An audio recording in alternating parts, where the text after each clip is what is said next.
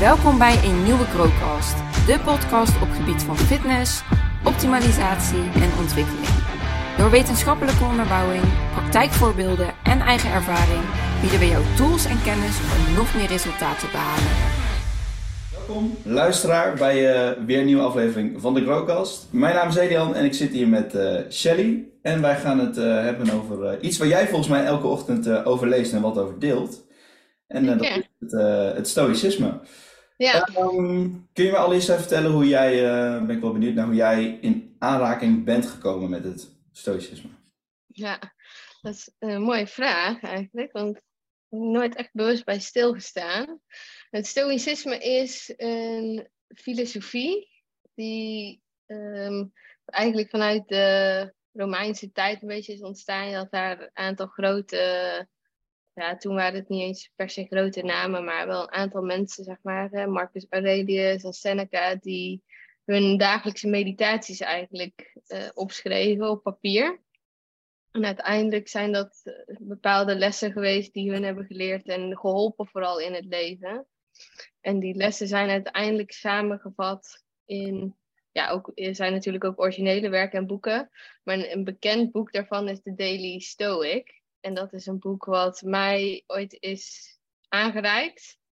En zo ben ik er eigenlijk mee in contact gekomen. Door dus Daily Stoic te lezen. En ook, moet ik trouwens zeggen, want uh, daar denk ik nu aan, nog voordat ik de Daily Stoic had, luisterde ik al Stoïcijnse meditaties op, de, hmm. op mijn meditatie-app Waking Up. Daar heb je ook bepaalde courses, zeg maar zoals je het noemt. Dus je kan bijvoorbeeld de introductiecourse doen, maar er is dus ook eentje en die heet de Stoic Path. En dat waren hm. iedere keer meditaties van ongeveer 10 minuten. En daar startte ik heel vaak gewoon mijn ochtend mee. Dus dat was voor mij de eerste keer dat ik met het stoïcisme in contact kwam. En toen merkte ik van, oh ja, dit is eigenlijk wel een hele mooie filosofie. Waar je heel veel waardevolle lessen uit kan halen die bijdragen aan een beter leven. En hm. toen werd dus ook die Daily Stoic aan mij aangereikt. Toen is dat bij mij op die manier verder ontstaan. En toen ben je dat uh, elke dag in je story gaan delen. ja. Krijg je nou altijd uh, veel reacties ook van mensen op? Ja, zeker. Ik had er vanochtend één gedeeld en dat ging over in het hele leven. Dat mensen vaak heel erg bezig zijn van, hè, was het verleden maar anders? Of ik wil dat de toekomst zich gaat ontvouwen zoals ik hoop. Maar daarmee ontneem je het heden. Hm. En ben je dus eigenlijk wel ondankbaar naar wat er nu is. En die had ik gedeeld. En al meteen twee mensen die reageerde van wow, deze had ik echt even nodig vandaag. En dan mm. denk ik, ja, iedere dag deel ik zo'n zo'n bladzijde gewoon. En soms denk ik van ja, lezen mensen het nou wel echt? En dan af en toe krijg je zo'n bericht en dan denk je van ja, ik blijf het gewoon delen. Ja, dat maakt het weer helemaal waard. Ja, want je bent daar wel echt bizar ja. Maar want het is dan bij de, de Daily Stoic is, dan heb je gewoon elke dag één. Maar dan heb je dus, zeg maar, na een jaar zou je helemaal rond zijn. Ben je hem al een keer helemaal rond en gewoon weer opnieuw? Of ben je nog in het nee, eerste nee, nee, dit is mijn tweede go-to. Ja, precies. Ja. ja, en ook, ik probeer dan altijd zeg maar de les van vandaag nog een keer in mijn eigen woorden samen te vatten. En ook veel mensen die zeggen, die dat boek dan al hebben gekocht door mij. Ik denk als ik daar een affiliate link op had, dat ik uh, misschien niet meer mm. te werken. maar dat was helaas niet zo. Nee, maar dat ze dan zeggen, ik heb dat boek door jou. En nog steeds lees ik hem iedere dag. En vind ik het gewoon heel fijn om jouw eigen samenvatting of zo te lezen. Mm. Ja, in eigen woorden kan ik me voorstellen. Ja, dat het dan toch nog weer een keer herhaald wordt en dat het dan weer even op een andere manier binnenkomt. Want soms lees ik ook wel eens uh, zo een Daily Stoic voor, weet je, of uh, hier met mijn huisgenoot of zo. En dan stel ik ook vaak de vraag, wat haal jij hier uit? En dan merk ik ook dat hij bijvoorbeeld een hele andere les eruit haalt dan ik. Dus ik denk dat je ook, ook al lees ik hem nou bijvoorbeeld voor de tweede keer, hè, de moment zeg maar, waar je misschien op dit moment in zit, dat dat ook weer de context anders vormt voor hetgeen wat je Ja, 100%. Je past inderdaad altijd uh, dingen toe inderdaad op je eigen situatie. Dus als er momenteel iets speelt met, uh, weet ik veel, iets in je familie, dan ga je dat ga je dan daarop toepassen. Versus als er iets speelt in je werk wat heel ergens anders over gaat, ga je weer daar relateren. Ja. Dus, um, maar jij bent dus, hoe lang neem je daar elke ochtend de tijd voor om dat te lezen en daar bij stil te staan, zeg maar? Ja, ik denk een kwartiertje of zo. Vaak doe ik uh, eerst even de Daily Stoic lezen. Dus dat is vijf minuutjes of zo. Vandaag had ik iets langer genomen. Uh, en daarna doe ik meestal gewoon ook echt een, een stilte meditatie. En dan ga, ik, hmm. nog een beetje over de gelezen bladzijden nadenken. Ja. Gewoon even bij mezelf inchecken. En ik heb wel, ook, eh, eh, verder. ik heb ook de Daily Stoic Journal. Want die heb je dus ook nog. Hmm. En Daar- dan kan Daar heb je. je nu een affiliate voor die even gaat droppen? Of, eh, Wat zeg je?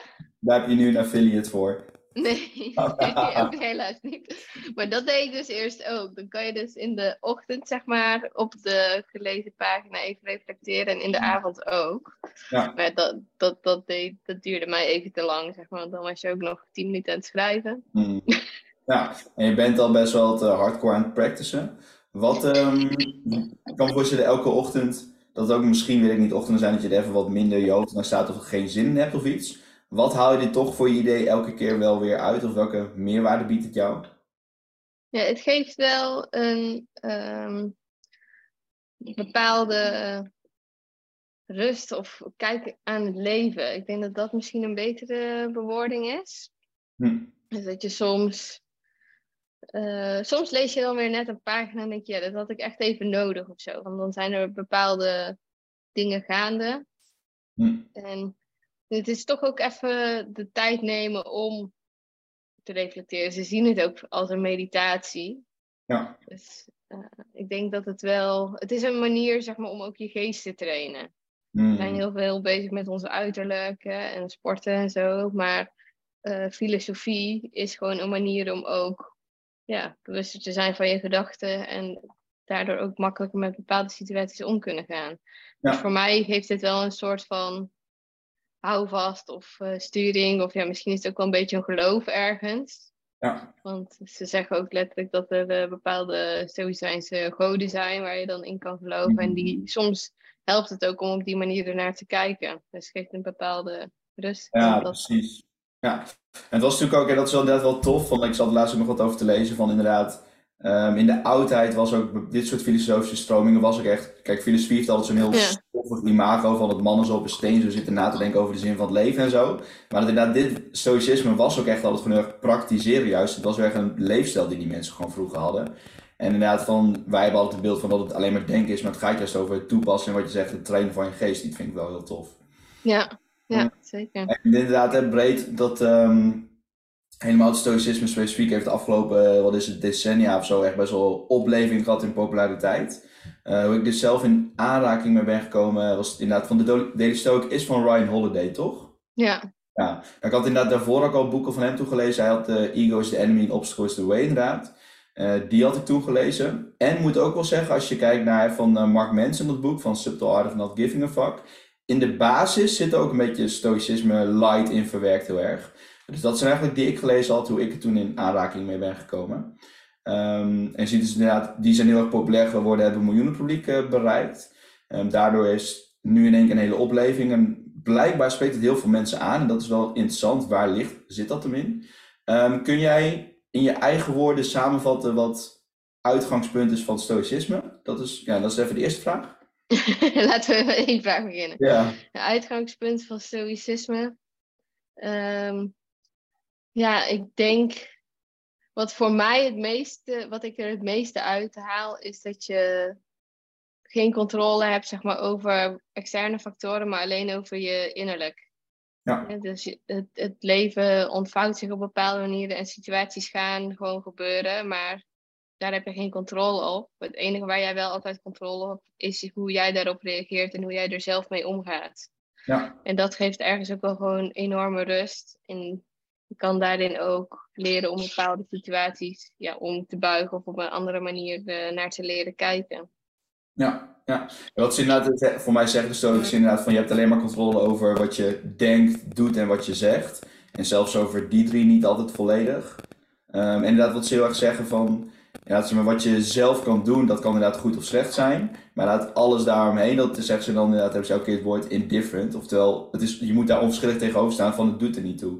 Ja, Eh, hoeveel geld je verdient, of het slecht weer is, eh, hoe het met je ouders gaat. Dat zijn allemaal dingen waar je geen controle over hebt. Dus eigenlijk wil je daar onverschillig in kunnen staan. Dat is natuurlijk een, Ja. eh, voor veel dingen is dat een stuk makkelijker gezegd dan gedaan.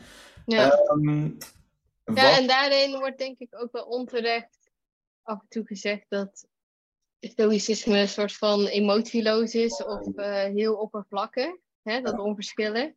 Maar eigenlijk wil je juist heel erg bewust zijn van bepaalde emoties en die gewoon laten voelen, maar je er niet door gek laten maken en niet te lang in blijven hangen.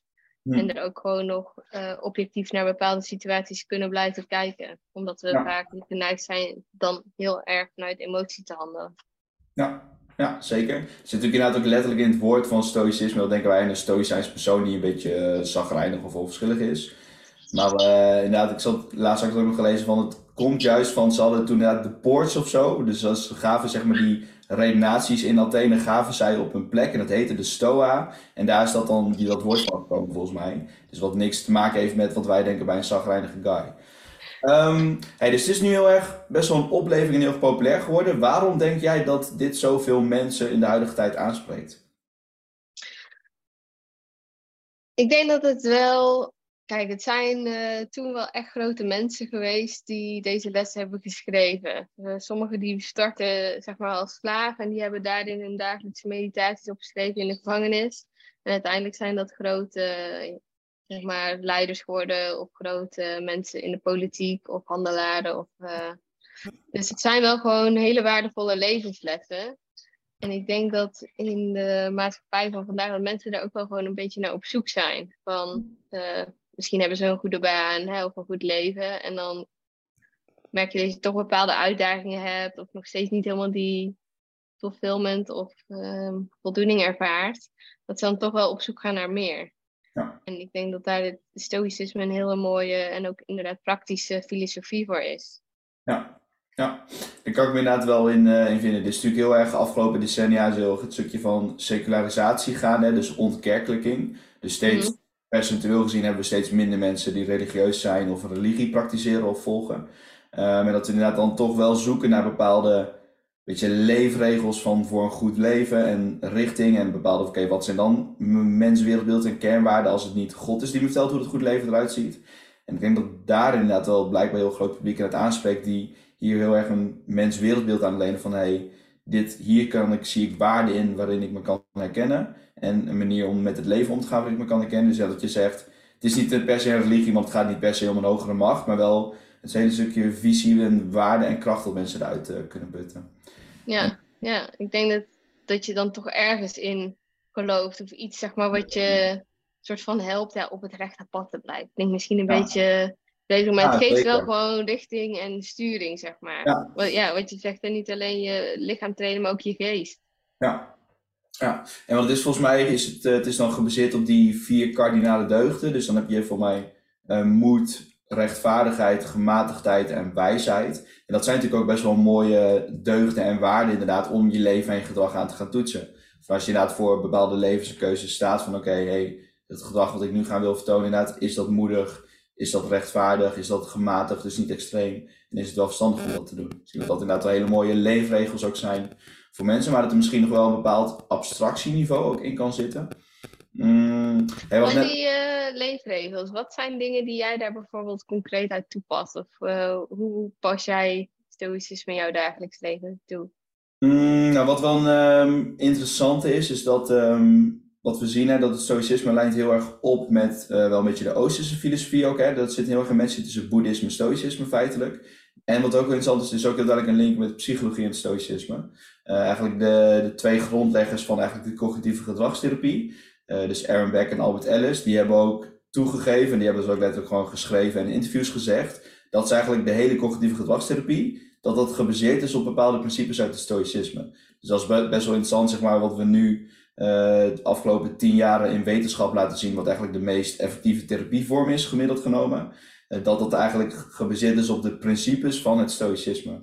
Dus heel veel tools, zeg maar, binnen de cognitieve gedragstherapie, Um, dus bijvoorbeeld dat je gaat kijken in de situatie van, eh, hey, wat is inderdaad mijn gedachtepatroon?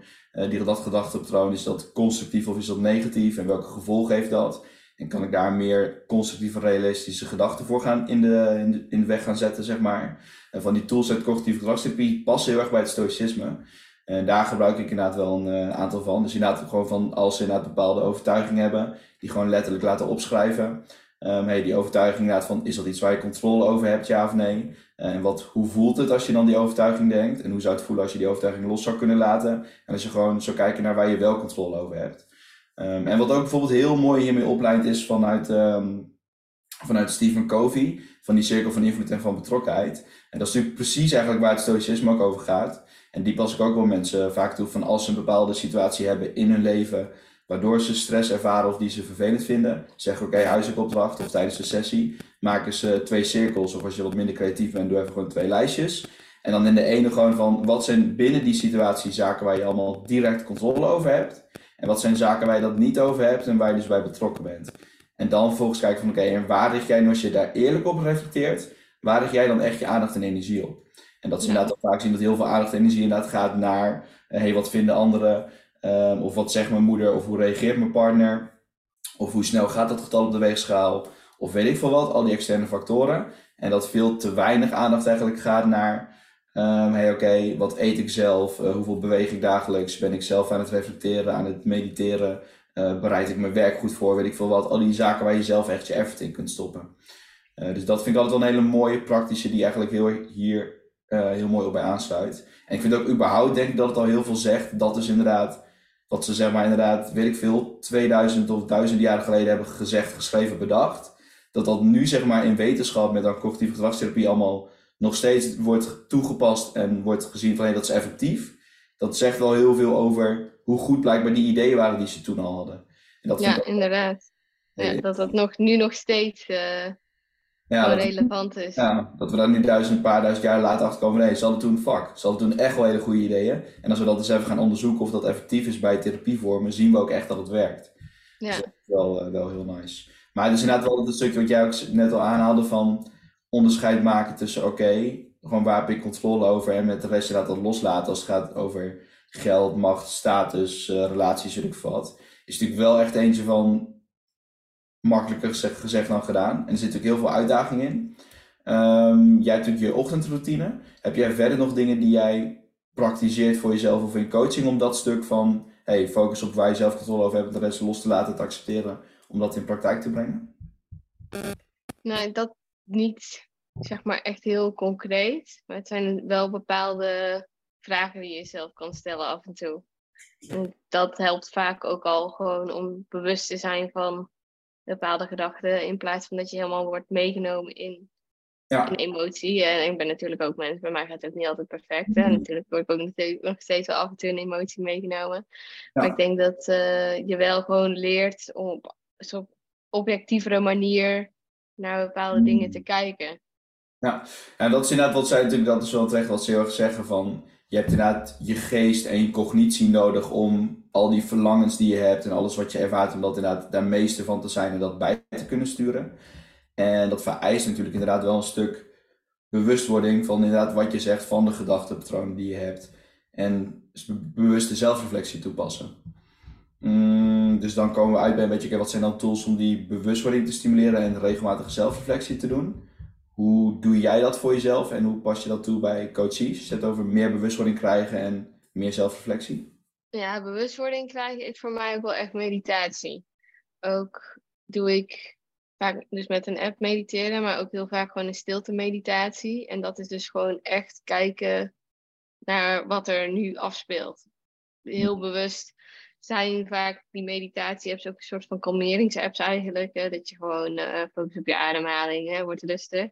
Maar vanuit het Tibetaans boeddhisme wil je eigenlijk gewoon kijken naar wat er is. En dat is gewoon gaan zitten, ook met je ogen open.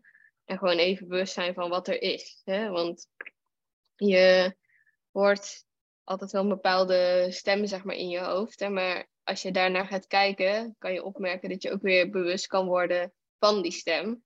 En dat is zeg maar gewaar zijn, zoals ze noemen. En in die staat wil je kijken naar wat er is. Want als je daarin komt, dan merk je op dat eigenlijk gewoon het heden en wat er nu is, gewoon altijd goed uh, en liefdevol en natuurlijk helder gewaar zijn is, zoals uh, ze dat noemen.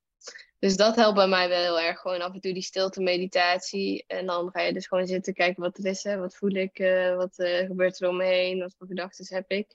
En dat is ook wel iets wat ik af en toe gedurende de dag toepas. Als ik dan mm. merk van, oh, er gebeurt iets in me. Ik voel een bepaalde onrust. Oké, okay, laat maar even gewoon zijn. Kijk er maar even naar. Ja. Ja. En op die manier pas ik dat toe. En dat is ook wat ik veel mensen ze meegeef. Je hoeft ook niet meteen iets met bepaalde gedachten te doen. Want vaak ook willen gewoon emoties even gehoord worden of gevoeld. En als je er heel wat bij stilstaat, vaak gaat het dan ook gewoon weer weg. Ja, en dat is ook juist voor uh, mensen inderdaad echt de grootste uitdaging van negatieve emoties. Is letterlijk negatief voelt koten. Daar willen we helemaal niet meer stilstaan. Nee. Terwijl juist inderdaad toch het bewust bij stilstaan inderdaad werkt. Ja.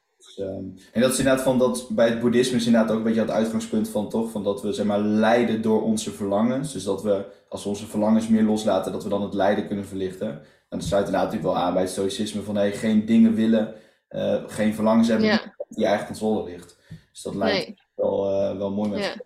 En als je Ja, kijkt, ik vind ook eh, mooi eh, bij die Stoïcijnse meditaties die ik dus luisterde. Toen vertelde ehm, die meneer, hij heeft ook een boek over Stoïcisme geschreven, maar ik kan nou niet zo op zijn naam komen. Maar dat vaak die Stoics, dat waren dus soms wel hele rijke mensen, eh, of eh, leiders zeg maar, of hele rijke handelaren. Dat ze dan bewust zeg maar één week gewoon als zwerver gingen leven. Zeg maar gewoon ja, alles ja. wegdeden en om gewoon weer even bewust te zijn van wat er allemaal niet is en hoe simpel het leven is en dat je daar eigenlijk helemaal geen waarde aan hoeft te hangen. Ja. En dat noemde hij dan ook eh, een soort negatieve visualisatie, hè, dat je op die manier ook voor jezelf kan toepassen. Dus dat is bijvoorbeeld ook iets wat ik bijvoorbeeld concreet doe. Nou, denk eraan.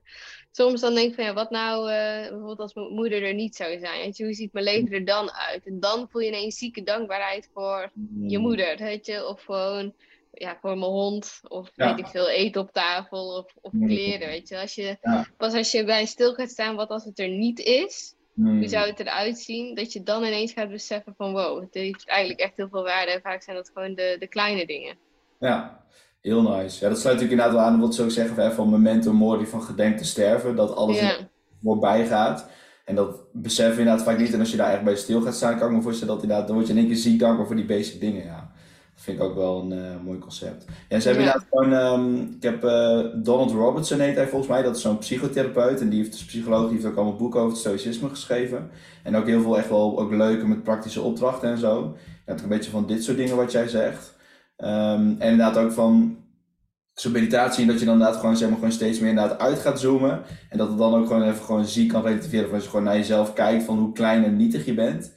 En dat eh, allemaal van dat soort opdrachten ook. En inderdaad van die wat je zegt, dat ze gingen leven als een zwerver. En die vind ik ook wel echt hard hoor. Die kan me ook wel voorstellen dat het inderdaad wel en ziek dankbaar maakt. En besef van hoe comfortabel je het hebt.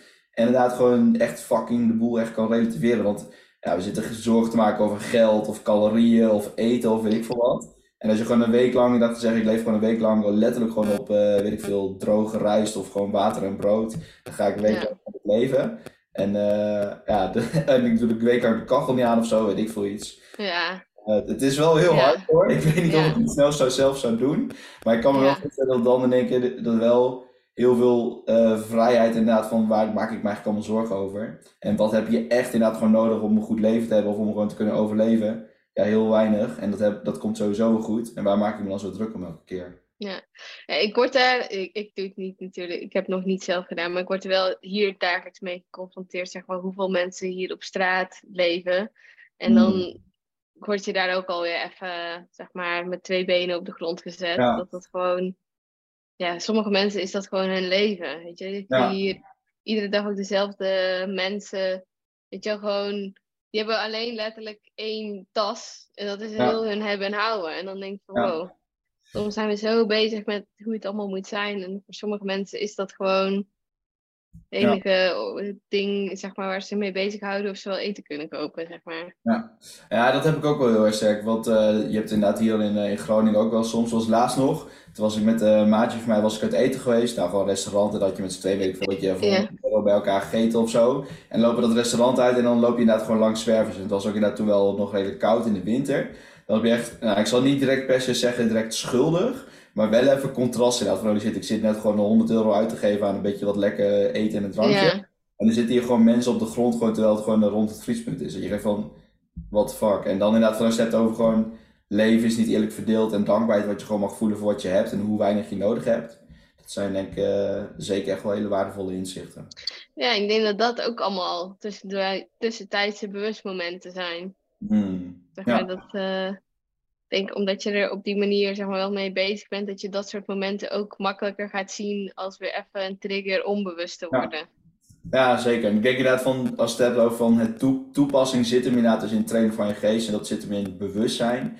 En dus inderdaad, nou, hoe kun je dat doen? Meditatievorm, dat soort dingen erover lezen. Als je actief ermee bezig bent, dat het ook al gaat spelen voor je dat je erover nadenkt. En inderdaad denk ik ook wel heel veel in, uh, in schrijfopdrachten inderdaad van dingen. Uh, wat je ook zegt met het uh, wat je net liet zien. Geen affiliate link. Maar dat inderdaad dat gewoon erover schrijven, dat ook een hele krachtige kan zijn inderdaad om zaken te reflecteren. Hoe sta ik erin? Um, en ik denk ook wel dat zeg maar, niet het, dat je de lat niet te hoog moet leggen bij dit soort dingen. Ik denk dat dat belangrijk is. maar als je verwacht van oké, ik ga een boekje lezen over stoïcisme en ik ga mediteren en dan verwacht ik nooit meer negatieve emoties te ervaren. Of als ik ze ervaar dan direct poef. Of me nooit meer zorgen te gaan maken over geld of over externe dingen omdat ik dan dat toepas. En dan ga je heel bedrogen uitkomen. Ik denk dat dat een verkeerd beeld is. Maar dat heel erg is van oké, ehm, er bewuster inderdaad van zijn. En er, zeg maar, dat het doel eerder is van er relatief minder last van hebben dan dat je eerst deed, dan is dat al winst. En er ja. Lang in blijven hangen dan dat je eerst deed. Ja, vooral dat. Weet je, dat negatieve situaties gaan zich gewoon altijd afspelen, maar je blijft er gewoon minder lang in hangen. Je gaat er gewoon een beetje mee om, waardoor het je minder lang beïnvloedt. Ja, ja, en inderdaad ook wel iets stuk van, dat is inderdaad van als, uh, jij noemde het voorbeeld van nou, wat als mijn moeder er is, dan ben ik ziek dankbaar. En natuurlijk als dat gebeurt, maar, dan ga je huilen en is dat super ziek heftig en je weet niet hoe je dan gaat reageren. En het is ook niet dat je dan niet die emoties ook mag hebben, dat is juist wat we net zeiden van het voelen. En dat ga je niet oplossen door te denken, oh ja, maar het is prima, want ik had er geen controle over. Maar ik kan het wel door toepassen van dat soort zaken. Ik denk dat het makkelijker helemaal ook is om te beginnen bij meer triviale dingen ook. En dat je daaruit ja veerkrachtiger kan worden. Ook vanuit het stoïcisme is het wel ook een opdracht om bijvoorbeeld wel al een keer bij dat soort situaties na mm. te denken. Van weet je, het is geen gegeven dat je familie altijd om je heen is, hè, of bepaalde dingen die je hebt. Hè. Bereid je er ook eens voor, zeg maar, wat het ergste is wat kan gebeuren. Want als het dan daadwerkelijk gebeurt, dan heb je er al een keer over nagedacht, waardoor het ook minder heftig is. Ja, zeker. Nog, nog steeds blijft het een super heftige situatie, maar dan, komt het, dan is het niet uh, van, oh, ik heb dit nooit, dit had nooit mogen gebeuren of wat dan ook. Nee, want het is gewoon wat er is gebeurd. En je hebt het al een keer over nagedacht, dus daardoor kan het ook als minder een klap aankomen. Ja, dat is inderdaad, en dat is ook wat dat hebben ze inderdaad in de cognitieve gedragstherapie ook, dat noemen ze inderdaad dan decatastrofatie. Vanuit van tevoren al dat absolute doemscenario waar je echt zorgen over maakt, daarbij stilstaan. En wat je zegt, je haalt het scherpe randje er al een beetje af. En je hebt inderdaad ook dat um, je vaak ook wel inziet van dat andere realistische scenario's, dat die er ook zijn. als dat je vaak best wel aan het doemdenken bent. Dus je twee dingen er inderdaad al mee bereikt. Uh, ja, en het past natuurlijk ook weer bij het stukje wat we net zeiden, hè, van memento mori, gedenk te sterven, van alles is eindig. Um, en wat we natuurlijk ook heel erg hebben van, um, van amor fati, van omarm de realiteit. En niet inderdaad van accepteer de realiteit, maar echt liefhebben gewoon wat er gebeurt. Van letterlijk vertaald liefde voor het lot. En die is ook makkelijker gezegd dan gedaan. Van toepas of zeg maar het echt omarmen en liefde ervoor hebben als er wat kuts gebeurt. Maar um, dat is wel inderdaad een hele waardevol. Ik heb het daar mijn post ook wel eens over. Van zeg maar, het woord van radicale acceptatie. Als je gewoon radicaal de realiteit kan accepteren, ja, dat maakt je wel super veerkrachtig en super sterk. En het is inderdaad makkelijker gezegd dan gedaan. En helemaal he, van de toepassing op radicaal accepteren dat je door de regen moet wandelen terwijl het kut weer is, is makkelijker dan radicaal accepteren dat je moeder overlijdt. Dus er zitten natuurlijk enorme verschillen en gradaties in. Maar ik denk dat helemaal op die kleine dingen, waar we juist als mensen over stressen, dat je daar wel veel winst op kunt boeken. Van nee, omarm dat lekker, geniet er lekker van. Nee, het regent nice, ik ga het lekker omarmen. En vanuit daar dat je dat ook wel, zeg maar, wat op kunt bouwen naar meer uitdagende dingen. Oké, hey, ik heb een uh, financiële tegenvaller. Uh, bied mij een mooie kans, ik omarm het, laat maar komen en ik ga knallen. En daarin is ook weer die combinatie, dat zegt dan ook in mijn post van zeg maar, radicale acceptatie. Als je dat combineert ook met wat uh, weet je, ook Mark Manson in zijn boek weer zegt van zeg maar, gewoon die radicale verantwoordelijkheid. Van oké, eh, niet alles is jouw schuld, maar het is wel jouw verantwoordelijkheid om ermee om te gaan. En dus gewoon al die externe omstandigheden het gewoon accepteert. En dan gewoon je verantwoordelijkheid pakt om vanuit die deugden ermee om te gaan. Dat is denk ik inderdaad zeker voor heel veel mensen een hele krachtige filosofie en mooi streven, denk ik, om na te gaan leven. Wat wel natuurlijk in de praktijk wel heel, eh, heel lastig is. Ja, ja, en nog, perfect. Ja. en nog, en waar ik nog even benieuwd naar ben, ook we het nog niet over hebben gehad, is maar, zeg maar, je hebt over echt bewust toepassen van dit soort zaken in coaching. Bespreek jij dingen vanuit het socialisme ook in coaching of doe je daar ook actief dingen mee? Ja, bijvoorbeeld meditatie is wel iets wat ik vaak aanraad. En de lessen die je leest, die geef je wel ergens mee. En misschien niet van, hé, hey, dit uh, is vanuit stoïcisme. Maar je gaat wel gewoon op een bepaalde manier zelf ook denken. En dat draag je ook wel gewoon over. Hè? Dus als mensen bepaalde tegenslagen hebben, wat jij ook zegt, hè? soms oké, okay, zoom eens uit, waar heb je controle over, waar niet. Uh, uh, dus ja. ja, dat. Ja. Ja. Um, ja, ik denk inderdaad voor mezelf ook wel uh, mediteren inderdaad als optie aangeven altijd wel. Hè, van sommige mensen kunnen daar baat bij hebben, dat is ook wel een waardevolle. En wat ik inderdaad net ook schets, zei, die, inderdaad die opdracht van oké, waar heb je invloed over, waar ben je ja echt dat goed onderscheid gemaakt. Dat is wel een, eh, een waardevolle. Mm, ja, en eigenlijk zou ik inderdaad voor mij is dat van Donald Robertson, het boek is van, uh, die staat achter mij. Volgens mij is het Stoicism in the Art of Happiness of zo. Er zitten echt wel heel veel opdrachten en dingen ook in. Dat is op zich wel interessant om dat nog een keer bedenken, nu nog een keer na te gaan uh, lezen. Nee, mm, wat de laatste vraag die ik nog wel interessant vind. Jij bent dus nu al bezig aan je tweede ronde van de Daily Stoke. Dus je bent al best wel lang zeg maar, hier actief mee aan de slag en aan het practicen.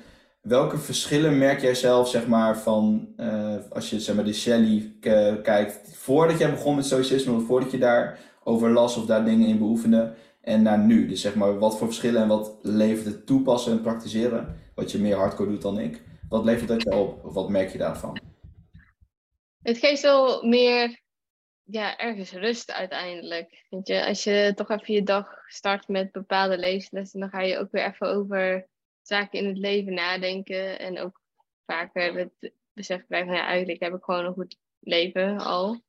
En ja, ook als je dan een negatieve situatie ervaart, dat je misschien al een keer over na hebt gedacht. Dus dat dan ook al minder heftig overkomt. Of ja, voor mij is denk ik ook heel erg minder lang in een negatieve situatie blijven hangen. Ik denk dat dat wel de grootste verschillen zijn, eigenlijk al dingen die we eerder hebben benoemd. Ja. meer rust, meer erin blijven hangen. Ja, ja, ik denk dat wel. En ja, uh, ja het, het, het, is ook gewoon goed om ergens in te geloven. Hm. Het geeft toch een bepaalde ja, sturing, richting in je leven. Ja. Ik merk dat dat uh, filosofie wel voor mij is. Ja. ja, daar ben ik het wel helemaal mee eens. Dus ook wat we net al een beetje aanhaalden, hè, van minder mensen die geloven. En we hebben gewoon ja. inderdaad bepaald beeld nodig van hoe een goed leven eruit ziet in een bepaalde richting. En uh, ja, daar, dat, dat moeten we leren kennen en vormen. En dat kunnen we denken inderdaad, hoe vormen we dat? Nou, er zijn heel veel grote denkers, slimme mensen voor ons geweest, waar we heel veel van kunnen leren, uit kunnen halen. Ik denk dat dat ook zeker is waarom het niet zo uh, populair is voor mensen. Maak jij uh, verschil pre- en post-stoicism, Elian? Um, nou, bij mij is het denk ik meer breder, want ging, zeg maar, toen ik daarmee begon, was het ook wel een periode van gewoon überhaupt heel veel weer over persoonlijke ontwikkeling en zo lezen. Dus wel, dat heeft denk ik ook wel invloed gehad. Maar wat mij wel heel erg heeft geholpen is, zeg maar, dat er zit allemaal van die, een beetje ook die schrijf-reflectieopdracht ook in dat boek. Um, en journalist, zeg maar, is eentje waar ik echt wel heel veel uit haal. Dat kan mij altijd wel even helpen, inderdaad, van gewoon even zitten, gewoon letterlijk uit je kop schrijven, van je afschrijven. En dan is inderdaad, waar, wordt het voor mij ook makkelijker om te voorkomen dat ik in zo'n hele negatieve loop meega. Mm, dus dat is eentje wat me echt wel heeft geholpen. Wat ik wel merk. En wat inderdaad, wat we net zeiden over emoties voelen. Dat als je het hebt over schrijven. Eerst kon ik nou het echt zo zijn, maar dan was er bijvoorbeeld wat kuts gebeurd. En dan ging ik opschrijven van nou, kloten. En dan, maar we gaan het weer positief draaien, het komt wel goed en het is niet zo erg. En zeg maar, dat laatste stukje heb ik ook wel afgeleerd, zeg maar. Van als je het over voelen. Van gewoon dat nu is van ik echt gewoon opschrijven van, hey, dit is gebeurd, dit is echt kloten, hierdoor voel ik me kut. Punt. En dan niet erachter, maar het komt wel weer goed en het valt wel mee. Want dan ben je het weer aan het wegstoppen, kleiner aan het maken en niet echt aan het laten binnenkomen en voelen. Uh, dus dat zijn wel twee dingen die ik wel geleerd heb en wat ik wel merk van daardoor kan ik er juist wel beter mee omgaan. Dus inderdaad, en gewoon shit van je afschrijven, dat je even je gedachten op papier zet en dan kun je zien, nee maar oké, waar heb ik binnen dit stuk inderdaad controle over? Kan even weer wat rust en richting inderdaad voor jezelf geven. Oké, waar moet ik mijn energie inderdaad in gaan stoppen? En inderdaad, juist even echt dat negatieve mogen voelen. Dat geeft ook een stuk meer, beetje empathie, compassie naar jezelf ook. Van ik hoef het niet direct positief te draaien of te fixen. Het mag even kut voelen, het mag er even zijn, wat jij ook zegt. En dan ben je er veel minder tegen aan het vechten of zo. Dat voelt veel fijner. En ook wel weer in communicatie naar anderen. Dat doen we vaak ook als ik bijvoorbeeld tegen jou vertel van... Hey Shelly, uh, ik zit niet lekker in mijn vel, voor mijn kloten. Dan doen we er, vaak doen we er een zin achteraan. Maar uh, ik heb het wel eens erger gehad en het komt wel weer goed. En als ik die laatste zinnen achterplak, ga jij heel anders reageren dan als ik dat niet doe. Als ik tegen jou zeg van oké, uh, maar um, het komt wel weer goed en het valt allemaal mee. Dan denk jij, oh het valt voor Elian wel mee, het is niet zo erg voor hem. Maar als je stopt bij, oh ik voel me echt kloten. Dan kun je oprecht empathie voor iemand voelen, oprecht in gesprek gaan en oprecht verbinden. Uh, dus ook in communicatie en het delen met mensen en daarin je emoties en shit uitspreken.